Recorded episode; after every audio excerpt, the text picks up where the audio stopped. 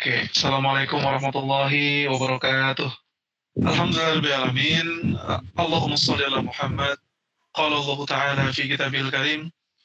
والذين تبوأوا الدار والإيمان من قبلهم يحبون يحبون من هاجر إليهم ولا يجدوا في صدورهم حاجة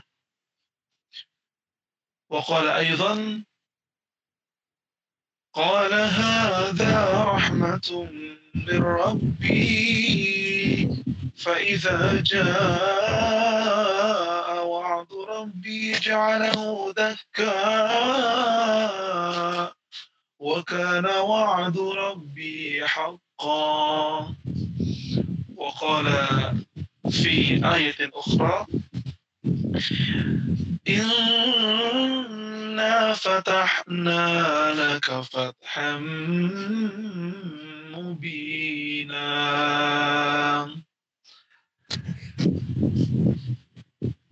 atas berkat rahmat Allah yang Maha Kuasa dan dengan didorongkan oleh keinginan luhur supaya berkehidupan kebangsaan yang bebas, maka rakyat Indonesia menyatakan dengan ini kemerdekaannya. Merdeka, teman-teman semuanya. Merdeka 75 tahun. Berarti 25 tahun lagi 2045 kita akan menghadapi entah wajah baru Indonesia akan seperti apa. Tapi menurut, menurut, menurut Statistia dan Bloomberg, kemudian uh, beberapa survei-survei barat lainnya, mengabarkan bahwa Indonesia ini akan menjadi satu kekuatan baru. Jadi teman-teman, developing country, apa ya, yang berkembang, negara berkembang hari ini, seperti Meksiko, India, Indonesia, Brazil, itu di ramal ya, diramal oleh beberapa futurolog akan menjadi kekuatan dominan di masa depan. Sekarang kita ada pada sebuah uh, kenyataan bahwa zaman disrupsi ini menggeser banyak hal. Maka kita bersyukur kepada Allah pertama kali ya, karena Allah masih memberikan kepada kita nikmat. Dan kalau saya boleh membu mem membuat punchline pertama dalam agenda hari ini, ada sebuah kalimat dari Dr. Yusuf Qardawi. Menjadi Indonesia itu sesuatu yang hebat karena dia adalah uh, apa ya? Indonesia itu ada dalam segitiga potensi emas masa depan. Pertama, masa depan itu milik Asia, teman-teman. The future belong to Asia. Dan Indonesia adalah negara Asia. Yang kedua, negara berkembang yang sekarang ada itu akan menjadi negara yang memiliki dominasi dalam ekonomi. Indonesia sekarang negara berkembang yang memiliki bonus demografi untuk menjadi negara maju di masa depan. Dan yang ketiga adalah karena Indonesia ini sebagian besar umat Islam dan dalam bukunya Al-Mubashirat fi Intisar Islam kabar-kabar gembira kemenangan Islam itu umat Islam itu memang yang punya masa depan nanti yang yang punya masa depan adalah umat Islam. Dan Indonesia ini adalah harmoni dari kebangkitan Asia. Kebangkitan Asia kemudian kebangkitan negara berkembang juga kebangkitan umat Islam. Semuanya berhimpun ya. Berlipat-lipat, bertumpuk-tumpuk ada pada masa depan Indonesia. Maka kita tidak sabar menanti kira-kira kita sebagai aktor dan aktris nanti di masa depan ini akan bisa menghias apa pada pada pertemuan tiga tiga kehebatan itu, pertemuan tiga potensi besar itu, ya. Demografi kita besar, satu kita umat Muslim, dua dan yang ketiga kita adalah bangsa Asia. Jadi, wah, maka dari itu teman-teman semuanya, apa ya, sulit mengatakannya, bingung mengatakannya, tapi jarak antara kita dan mimpi yang kita ingin ingin raih itu masih terlalu jauh, tapi sayangnya. Sehingga banyak orang berkata, ya Indonesia akan jadi negara maju barangkali. Indonesia di masa depan akan menjadi negara yang negara yang hebat. Tapi pertanyaannya, ketika Indonesia menjadi negara yang maju itu, yang mengisi kepemimpinannya masih orang-orang asli Indonesia atau orang-orang yang bukan orang Indonesia? Itu yang jadi pertanyaan. Maka teman-teman semuanya, kita di sini sebagai anak muda, kita ini ingin berdiskusi sesuatu yang hidup. Kita ini ingin membahas sesuatu yang hidup, bukan sesuatu yang kering, yang selama ini ternyata banyak sekali dibahas oleh orang-orang Islam di Indonesia, seperti dia kunut dan saya tidak, dia mazhab apa maka dia salah, saya mazhab ini maka saya benar, pengajian saya terbaik, pengajian dia jelek. Kita seharusnya udah berhenti pada pembahasan-pembahasan yang receh dan kontra produktif seperti itu. Ada masjid, uh, apa namanya atapnya bentuk segitiga. Apakah dia Yahudi? Apakah dia Yahudi? Wah ternyata semua masjid ya atapnya ada unsur segitiga juga kan? Apakah semua masjid Yahudi tanda mata satu. Wih ada mata satu di mana-mana. Apakah setiap yang mata satu adalah Yahudi? Cocok logi cocok logi itu teman-teman semuanya sifatnya kontra produktif itu jadi bahasan yang seru bagi anak-anak SD sama SMP tapi kalau buat bahasan anak kuliah itu udah nggak pas lagi ya yang namanya teori-teori konspirasi seperti itu. Teori konspirasi itu kata kata seorang dosen kami adalah satu cara orang-orang yang tidak mampu berpikir panjang untuk menyimpulkan sesuatu. Ya, tapi di satu sisi, satu sisi kita sebagai umat Islam juga percaya dalam Al-Quran pun ada kata-kata makar, kata-kata uh, makit, kata-kata konspirasi ada dalam Al-Quran. Jadi emang bukan ya teori apa kata-kata itu kadang berlaku, kadang nggak berlaku juga. Konspirasi itu ada, tapi kalau menjadikan semua hal itu seperti konspirasi, corona konspirasi, uh, Michael Jackson sudah mati itu konspirasi, paus mati itu konspirasi semuanya konspirasi aja itulah konspirasi itu cara untuk mencocok-cocokkan sesuatu dengan cara yang nggak benar nah umat Islam sekarang teman-teman semuanya kita karena akan membahas kemerdekaan dan akan membahas unsur-unsur penting tentang kemerdekaan kita akan bertemu pada satu pola bahwa pahlawan-pahlawan Islam kita, bapak-bapak bangsa kita, founding father kita, seperti Agus Salim, Muhammad Nasir, Bung Karno, Bung Hatta, itu adalah orang-orang yang selesai dengan debat-debat remeh-temeh seperti itu. Mudah selesai dengan debat apakah Indonesia akan menjadi kerajaan, kesultanan. Mereka mudah selesai dengan konsep negara. Ya, bentuk negara kan sesuatu yang silakan saja, tapi mereka pandai untuk selesai memang cukup alot, namun mereka pandai untuk menyelesaikan. Dan menjadi Indonesia itu adalah satu bentuk kesepakatan bersama. Menjadi Indonesia adalah kesepakatan antara kaum nasionalis, kaum Islamis, antara orang Jawa, orang Sunda, orang Sulawesi, orang Sumatera, untuk bisa bersatu menjadi meleburkan identitas kedaerahannya menjadi identitas sebuah bangsa yang lebih besar bernama Indonesia. Maka kita bersyukur jadi Indonesia teman-teman semuanya, karena Indonesia ini adalah hasil jadi payah akal cerdas. Kalau kita me memeras saripati bagaimana terjadinya Indonesia, Indonesia itu adalah ide. Menjadi Indonesia itu adalah ide, semua. Ide.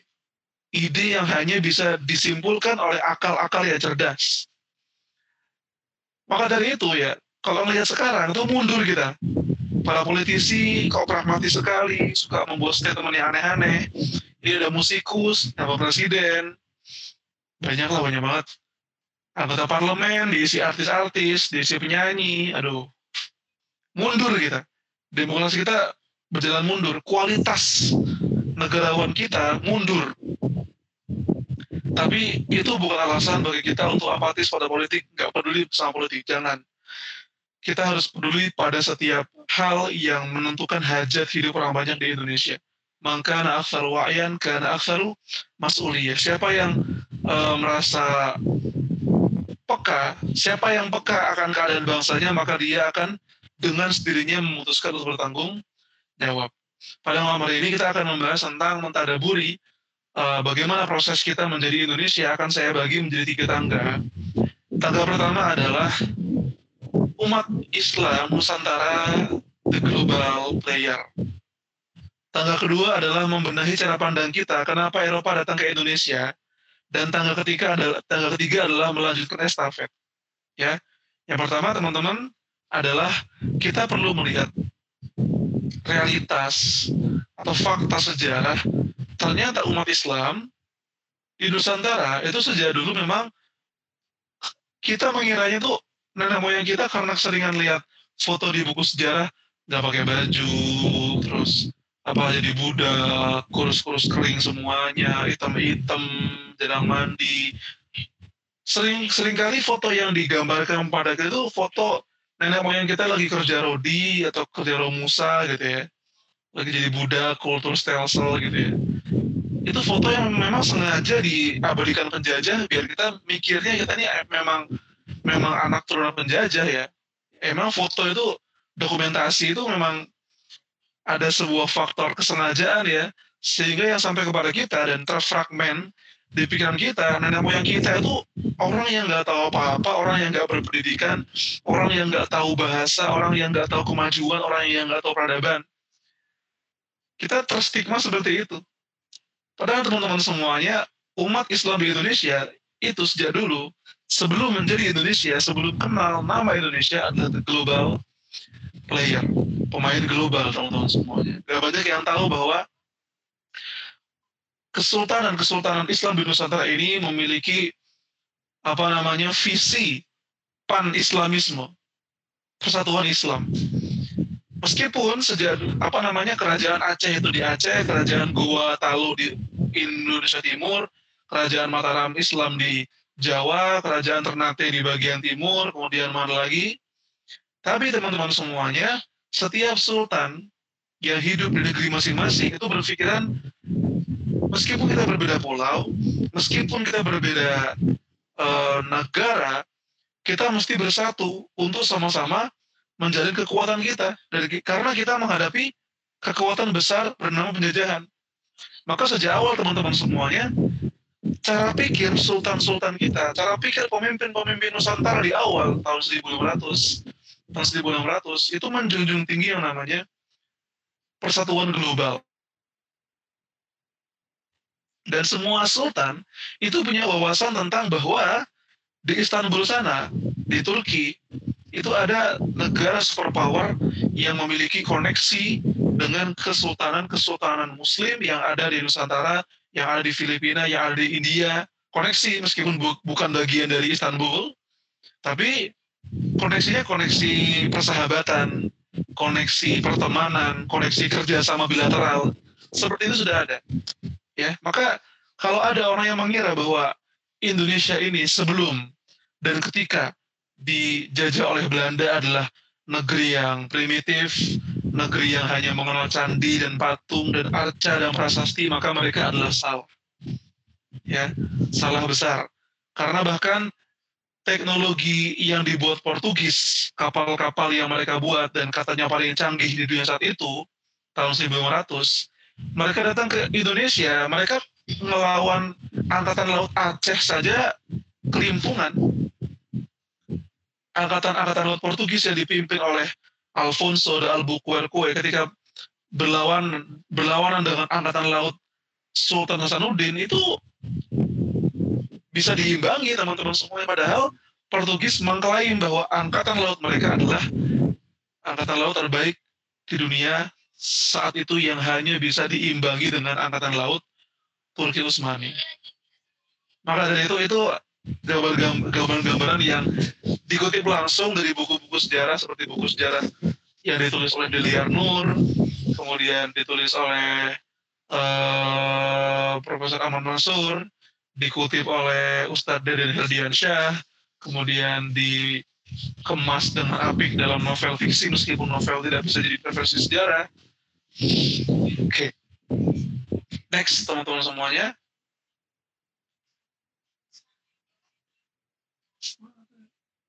Nah, teman-teman semuanya, sejak awal, sejak awal, saya ingin bertanya pada teman-teman semuanya. Pernah sih mikir kok bisa ya, kok bisa ya Indonesia jadi Indonesia gitu loh. Lawong ya, lawong tuh bahasa Jawa dari bukannya bangsa Arab itu juga sama kayak Indonesia, jumlahnya sama, 270 jutaan. Tapi hari ini mereka ter, terpisah menjadi belasan negara, teman-teman. Sementara, coba pikirkan, teman-teman. Coba dibayangkan, coba divisualkan, dan coba dijual. Di tahun 1945, di mana belum ada HP, di mana belum ada WhatsApp, belum ada email, itu Soekarno-Hatta dan Pak Bapak pendiri bangsa memproklamasikan negara Indonesia yang itu luasnya itu ada dari Aceh hingga kemudian ke saat itu Sulawesi dan sebagian Irian. Itu koneksi apa yang membuat mereka bersatu itu? Koneksi macam apa teman-teman semuanya? Padahal bangsa Arab yang ratusan tahun bersama-sama dalam dalam struktur negara kekhalifahan itu saja bisa pecah menjadi beberapa negara. Ini umat Islam yang belum punya sejarah bersatu sebelumnya, katanya sih pernah di zaman Gajah Mada, tapi belum terbukti. Apakah benar atau enggak? Belum pernah punya sejarah yang benar-benar otentik bersatu. Eh, tahun 45 kita memutuskan untuk menjadi sebuah bangsa besar bernama Indonesia yang padahal bahasa orang Sumatera beda sama bahasa orang Jawa, bahasa orang Sunda beda sama bahasa orang Makassar, bahasa orang Bugis beda sama bahasa orang Nusa Tenggara. Loh kok, coba dipikir, kenapa kok bisa nyatu? Kenapa bisa bersatu? Ini akarnya apa? Akarnya apa? Semangat bersamanya apa? Energinya apa? Ada yang bilang, ya, yang mempersatukan antara orang Sumatera dan orang Jawa adalah uh, kesamaan nasib sama-sama pernah dijajah. Enggak, Aceh nggak ngerasa. Aceh nggak ngerasa dijajah. Sulawesi nggak ngerasa dijajah lama juga. Aceh bahkan ngerasanya nggak dijajah tiga setengah abad. Aceh cuma baru diserang tuh cuma beberapa belas tahun, teman-teman. Karena pertahanan mereka kuat. Jadi kayaknya kalau misalkan kita bersatu karena kesamaan nasib kita sama-sama terjajah itu kurang kuat. Karena kita sama-sama didatengin sama Belanda. Jadi daerah jajahan Belanda adalah daerah kita sekarang. Lah, gimana kok kita memerdekakan diri atas warisan daerah penjajah ini gimana? Spiritnya tuh kurang oke okay gitu loh. Kita merdeka, kenapa kita bersatu? Karena kita sama-sama dijajah Belanda juga. Ya salah satu salah satunya memang itu, cuma kayaknya kurang kok nggak nggak itu ya nggak gagah. Ada sebuah energi teman-teman semuanya. Energi yang mampu me melenturkan identitas para sultan-sultan dan dan negara-negaranya untuk melebur menjadi Indonesia. Energi itu ya energi Islam coba ukhuwah Islamiyah وألف بين قلوبهم لو أنفقت ما في الأرض جميعا ما ألفت بين قلوبهم Sungguh Allah yang menyatukan hati kalian. Ketika ada orang-orang yang menginfakkan segunung-gunung harta buat menyatukan hati orang beriman, mereka tidak akan bisa tidak akan mampu. Ada sebuah kisah ya ketika kaum muslimin itu ke Persia melakukan sebuah futuhat, menaklukkan atau membebaskan negara Persia. Itu pasukan musuh melihat, jadi kan kaum muslimin menyeberangi sebuah menyeberangi sebuah jembatan. Itu ada kantong minum, kantong minum seorang tentara muslim yang jatuh ke sungai. Nah, ya itu pemandangan biasa sebenarnya menjadi luar biasa tapi menjadi istimewa ketika pasukan musuh terbelalak melihat kantong minumnya satu orang tentara muslim jatuh, yang mencarinya adalah seluruh pasukan. Yang mencari kantong minum yang jatuh yang jatuh ke sungai, seluruh pasukan. Cari, cari ini punya fulan, punya akhi kita, punya punya saudara kita nih. Uh, musuh pun kemudian terbelah lagi gimana nih? Ini gimana? Kantong minum saudaranya aja jatuh sepasukan jadi semua. Apalagi satu saudara mereka tersakiti, pasti mereka bakal lebih marah lagi. Itu khuwa Islamnya, itu apa ya? Energi yang benar-benar nggak dimiliki oleh orang lain. Yang menyatukan bukan siapa-siapa. Allah subhanahu wa ta'ala.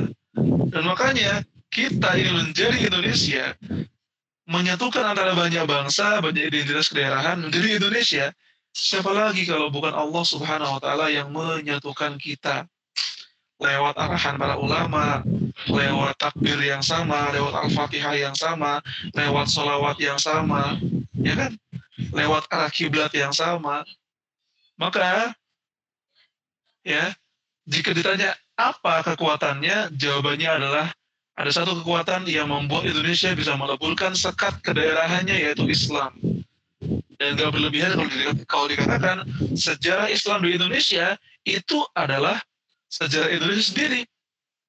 Gak bisa dong dipisahin, gak adil dong. Emang sejarah Indonesia bermula dari mana? Dari mana mulanya kalau mau dicari permulaannya ketika proklamasi, ketika apa namanya menjadi Indonesia itu apakah ketika Soekarno mendirikan PNI, apakah ketika Budi Utomo mendirikan? Sudah sejak awal Islam ini menjadi energi utama, gerbong dan generator utama dalam langkah-langkah besar bangsa ini menjadi sebuah bangsa Indonesia. Jadi kalau ada anak bangsa yang mengira, loh, ini ngapain nih mereka sosok nara pakai sorban, tuanku Imam Bonjol di Pulau ngaku sorban bro. Ngapain nih para para para orang Indonesia bukannya pakai salam Pancasila malah pakai takbir. Lah, lihat aja Bung Tomo tuh apa? Apakah ketika dia pidato di Surabaya dia pakai salam Pancasila, salam Pancasila. Dia pakai takbir, rek. Kan?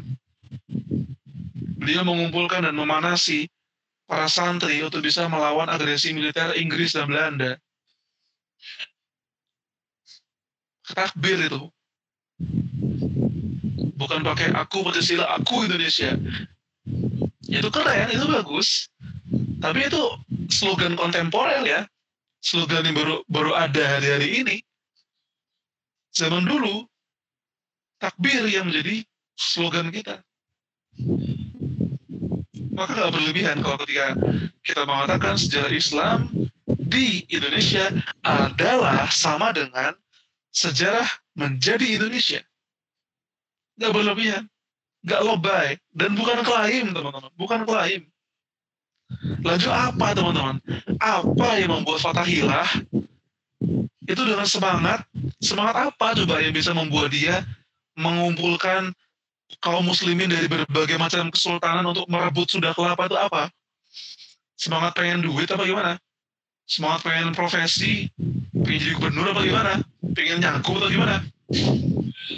apalagi kalau bukan semangat jihad visabilillah. Makanya teman-teman,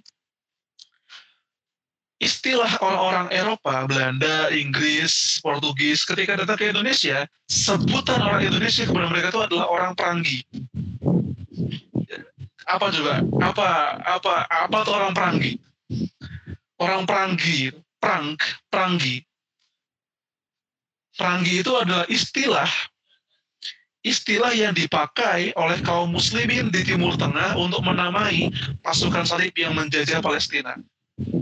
Jadi orang yang menjajah Palestina itu namanya orang Frank, bangsa Frank, F R A N K, nenek moyang bangsa Perancis. Orang is orang Muslim Arab ya nggak karena bisa ngomong Frank, mereka nulisnya pakai fa, ro, nun dan ja, French, French. Nah, kitab-kitab para ulama yang menulis tentang perjuangan para uh, mujahid Salahuddin Al-Ayubi, Nuruddin Zangki melawan tentara salib, itu tentu menginspirasi para ulama-ulama di Nusantara. Sehingga ketika Belanda, Inggris, Portugis datang ke, ke Nusantara, para ulama ini menggunakan istilah French yang oleh aksen orang Nusantara jadinya peranggi, peranggi.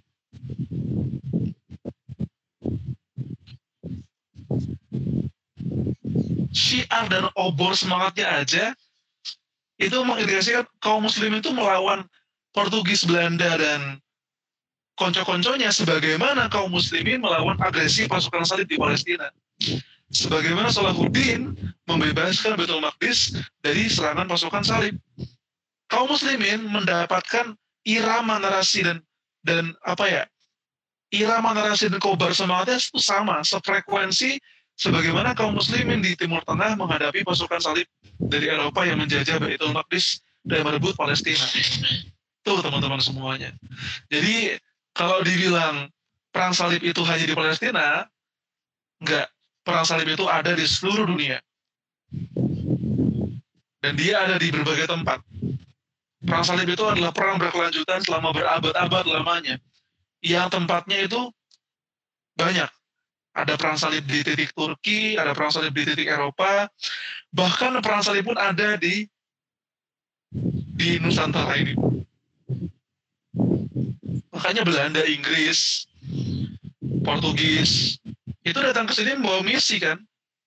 Frateliza, Igreja, dan apa tadi. Itu, itu versi versi Portugisnya yang diinggriskan, yang kita tahu di buku sejarah apa teman-teman? 3G,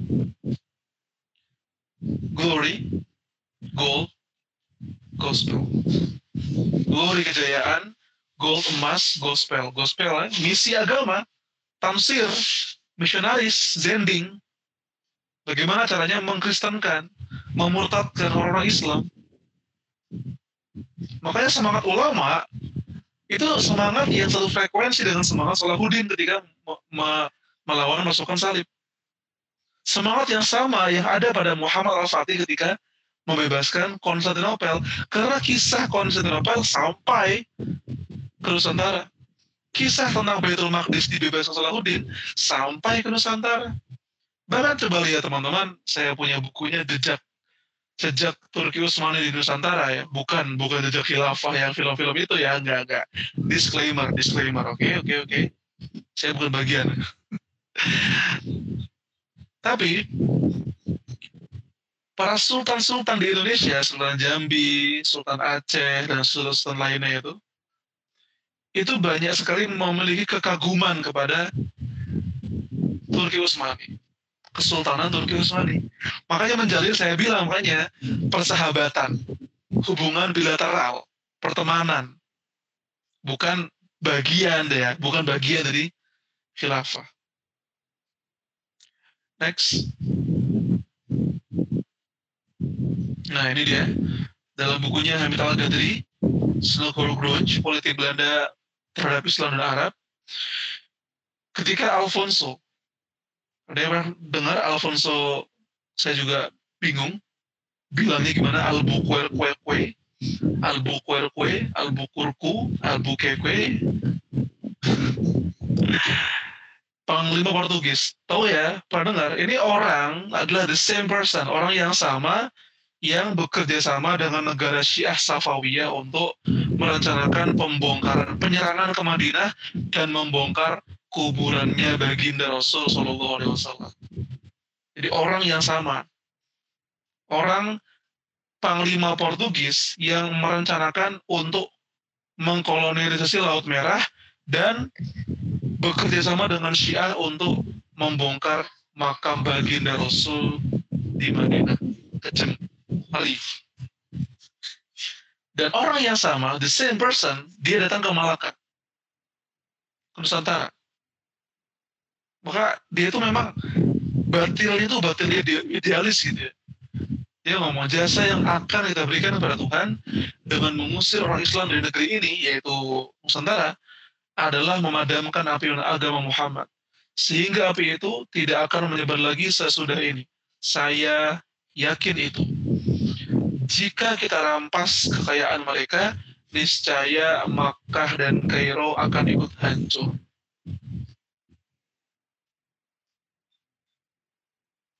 ada ada pola. Ada benang merah yang menghubungkan antara Nusantara dan Mekah sebagai ibu kota ibadah umat Islam saat itu dan Kairo sebagai ibu kota keilmuan umat Islam saat itu. Karena emang relasi Nusantara dengan dunia Islam lainnya itu sudah kuat. Bahkan ulama-ulama kita, Syekh Ahmad Khatib Al-Minangkabawi, Syekh An-Nawawi Al-Bantani, merupakan ulama-ulama Masjidil Haram, teman-teman. Syekh Yasin Al-Fadani itu ulama Masjidil Haram. Makanya akhirnya tuh mundur. Umat Islam di Indonesia mundur dari global player menjadi jago kandang. Ah, bukan lagi jago kandang. Di kandang sendiri pun dipukul-pukul. Jadi outsider dari outsider. Gimana ini? Next. Nah ini ya, tadi yang saya sampaikan sebagai bentuk dari fakta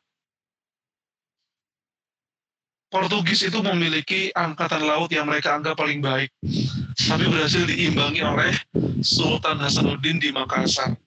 Sudah sejak awal berkiprah melawan imperialisme. Next.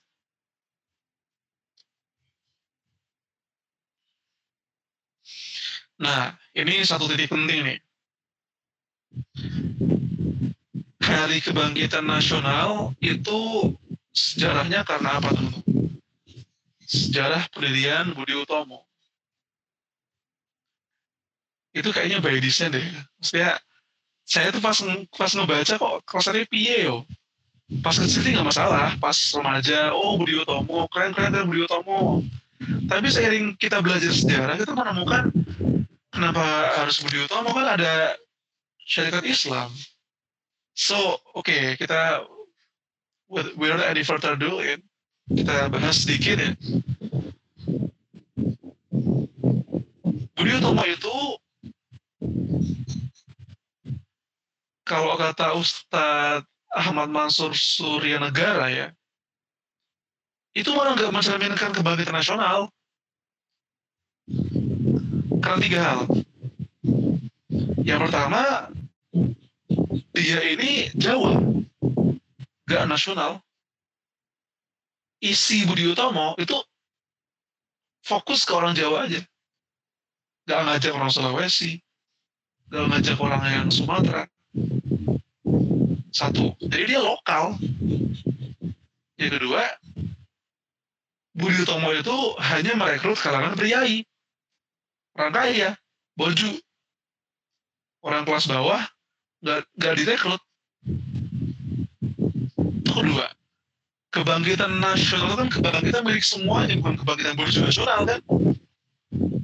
Jadi udah salah di kedua yang yang ketiga spirit perjuangan umat saat saat itu bangsa saat itu adalah spirit Islam. Spirit Islam melawan penjajah pakai spirit Islam. Ini ada Budi Utomo yang sifatnya malah sinkretisme malah dinamisme kejawen gitu jadi di tiga poin ini aja udah patah sebenarnya. Pernyataan bahwa mereka ini menjadi sebab musabab kebangkitan nasional. Beda sama syarikat Islam. Syarikat Islam itu, teman-teman semuanya, yang pertama, kalau Budi Utomo itu sifatnya kejawen, kalau orang Jawa, SI, syarikat Islam itu ada dari Sumatera, Kalimantan, Jawa, hingga Sulawesi. Pertama. Kedua, kalau Budi Utomo itu dari kalangan priayi aja, kalangan borju, SI itu less komunal, less primordial. Bisa ke bawah, bisa ke atas. Masyarakat atas bisa masuk, masyarakat bawah bisa masuk. Free dia. Sehat. Lingkungannya, atmosfer sehat. Yang ketiga, kalau Budi Utomo kejawen pemahamannya, abangan. Kalau SI, Islam yang universal. Maka dari itu ya, sepertinya perlu sih kita membaca lebih banyak lagi supaya kita memahami bahwa ternyata sejarah itu perlu ada perlu ada beberapa reparasi, perlu ada beberapa perbaikan. Ya. Karena kita tidak mau zalim pada pendahulu kita. Kita nggak mau zalim kepada founding father kita. Zalim loh kalau kita ini hanya mengingat sebagian kecil mereka, menekankan sesuatu yang nggak perlu ditekan, dan menghilangkan sesuatu yang padahal penting. Uh, zalim itu. Next. Nih, bukti syarikat Islam dipimpin oleh Haji Umar Said Sukraminato. Bayangkan di saat itu tahun 1800 akhir itu kadernya aja udah 1,3 juta. Ngalahin kader PSI. Ngalahin kader apa ya? PKS bukan mungkin barangkali. 1,3 juta tanpa HP, tanpa WhatsApp, bisa ngumpulin 1,3 juta, membuat konferensi di waktu yang sama serentak. Kok ya bisa gitu? Kok bisa gitu? Ini sumbernya kalau mau tahu ya dari buku Harry Muhammad. Dalam bukunya tokoh-tokoh muslim abad 20. Ada bukunya. Harry Muhammad dan kawan-kawan DKK. Cokro, gurunya Soekarno, gurunya Semaun, gurunya SM Kartosuwiryo, itu digelar di Belanda sebagai Raja Jawa tanpa mahkota. Karena memang syariat Islam ini memang bukan negara, tapi sifatnya kayak negara. Ngurusin haji, ngurusin penyebaran zakat, ngurusin pendidikan, membuat media, membuat biro biro apa namanya hubungan luar negeri. Semodern itu loh pendahulu kita. Semodern itu loh. Dan kita menganggap bahwa nenek moyang kita itu primitif. Doli memang kita nih. Terlupakan es ini. Kalau digali lebih lanjut, ngeri es itu ngeri coba baca-baca baca buku-bukunya Cokro seperti memeriksai alam kebenaran tuh namanya aja udah ngeri banget nama bukunya memeriksai alam kebenaran wah terus kemudian yang kedua tarikh Islam jadi Cokro yang merupakan seorang negarawan sibuk berda sibuk orang sana sana sini sibuk memanajemen SI sempat beliau untuk menulis tentang Sirah Nabawiyah, Masya Allah. Cokroaminoto, seorang penulis Sirah Nabawiyah, teman-teman semuanya. Sejarah Rasul, ditulis oleh beliau. Ada bukunya, ada. Maka sebenarnya nggak nggak berlebihan ketika kemerdekaan kita, kemerdekaan kita terciptanya manusia-manusia seperti Soekarno, Agus Salim, Natsir itu nggak lepas dari didikan dan inspirasi sang guru bangsa, Cokro Aminoto yang punya sebuah nomenklatur apa ya istilah yang selalu beliau ulang-ulang sudah sampai di mana hijrah kita. Itu tuh. Ini ini cocok sama tema kalau mau menggabungkan antara kemerdekaan dan hijrah. Semangat kita merdeka ini itu diawali oleh guru bangsa di atas ini. Cakraminata dengan dengan istilah beliau yang sering beliau ulang-ulangi sudah sampai di mana hijrah kita menjadi sebuah bangsa udah sampai mana? Masya Allah. Masya Allah. Next. Ya next. Nah begitu pula peran Muhammadiyah dan NU Muhammadiyah dan NU lebih tua dari Indonesia. Dan tokoh-tokoh Muhammadiyah juga NU yang menghiasi percaturan kenegaraan di Indonesia. Coba sebut sebut tokoh Muhammadiyah yang jadi presiden Indonesia. Soekarno kan tokoh Muhammadiyah. Sudirman, pemimpin TNI pertama, guru Muhammadiyah. Kiai Haji Wahid Hashim yang sangat berperan dalam panitia 9 dan nantiin tokoh-tokoh bangsa sekarang seperti Kiai Haji Dini Syamsuddin, seperti Kiai Haji Ma'ruf Amin, wakil presiden kita, yang mendoakan kita terang-terangan dan diam-diam. Kemudian siapa lagi ya? Banyak Zainul Majdi, kemudian Idrus Marham, Idrus Ramli, sorry sorry. Kemudian ada Yunahar Ilyas, rahimahullah, Gus Solah, rahimahullah.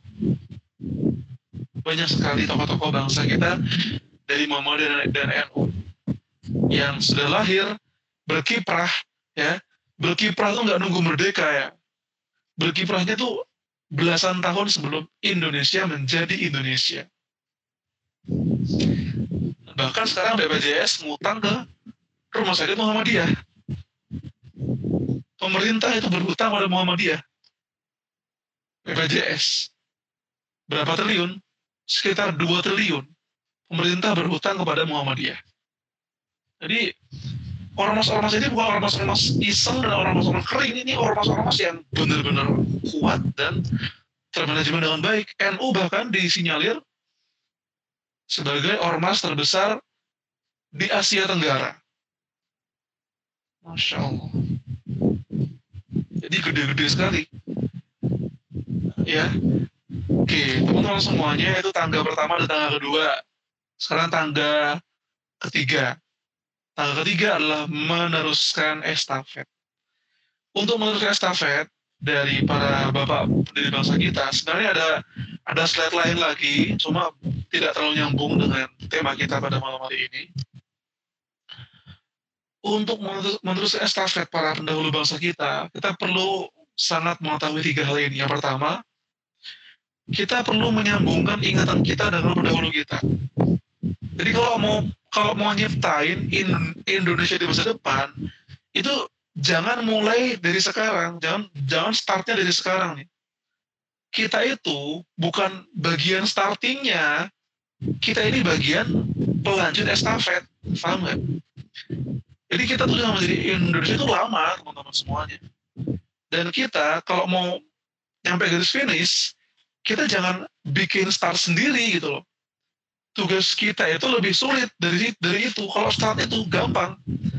Yang lebih sulit dari starting adalah melanjutkan estafet. Kita mengambil apa namanya uh, estafet dari pendahulu kita dengan cara mempelajari hidup mereka, pemikiran mereka, kisah hidup mereka, untuk kemudian kita ramu dan membuat kita maju ke depan.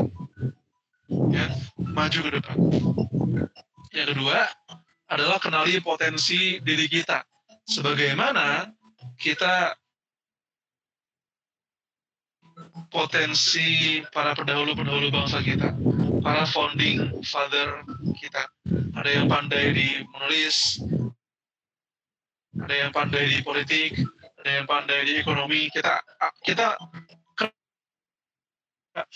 dalam berjuang itu nggak bisa semua bidang dikuasai, tapi setiap bidang kita kuasai masing-masing bidang bidang pendidikan, sosial, humaniora, budaya, politik. Dan ketiga, suksesi. Menjadi Indonesia itu bukan langkah satu orang. Indonesia itu bukan jasa Soekarno satu orang. Indonesia bukan jasa Hatta satu orang. Indonesia adalah jasa bergenerasi generasi. Ya, jadi nggak ada namanya sukses tuh karena person, nggak ada. Nggak ada namanya sukses bangsa itu karena satu orang nggak ada. Pasti dari lintas ormas, lintas tokoh, lintas elemen, sukses ini berubah menjadi suksesi. Sukses seorang diri menjadi sukses bersama-sama. Ya oke? Okay? itu langkah suksesinya langkah kita menyambung estafetnya belajar dari sejarah untuk menyambung estafet. Pertama dua kenali potensi karena ciptakan kemenangan di bidang masing-masing. Dan yang ketiga suksesi bukan hanya sukses saja. Assalamualaikum warahmatullahi wabarakatuh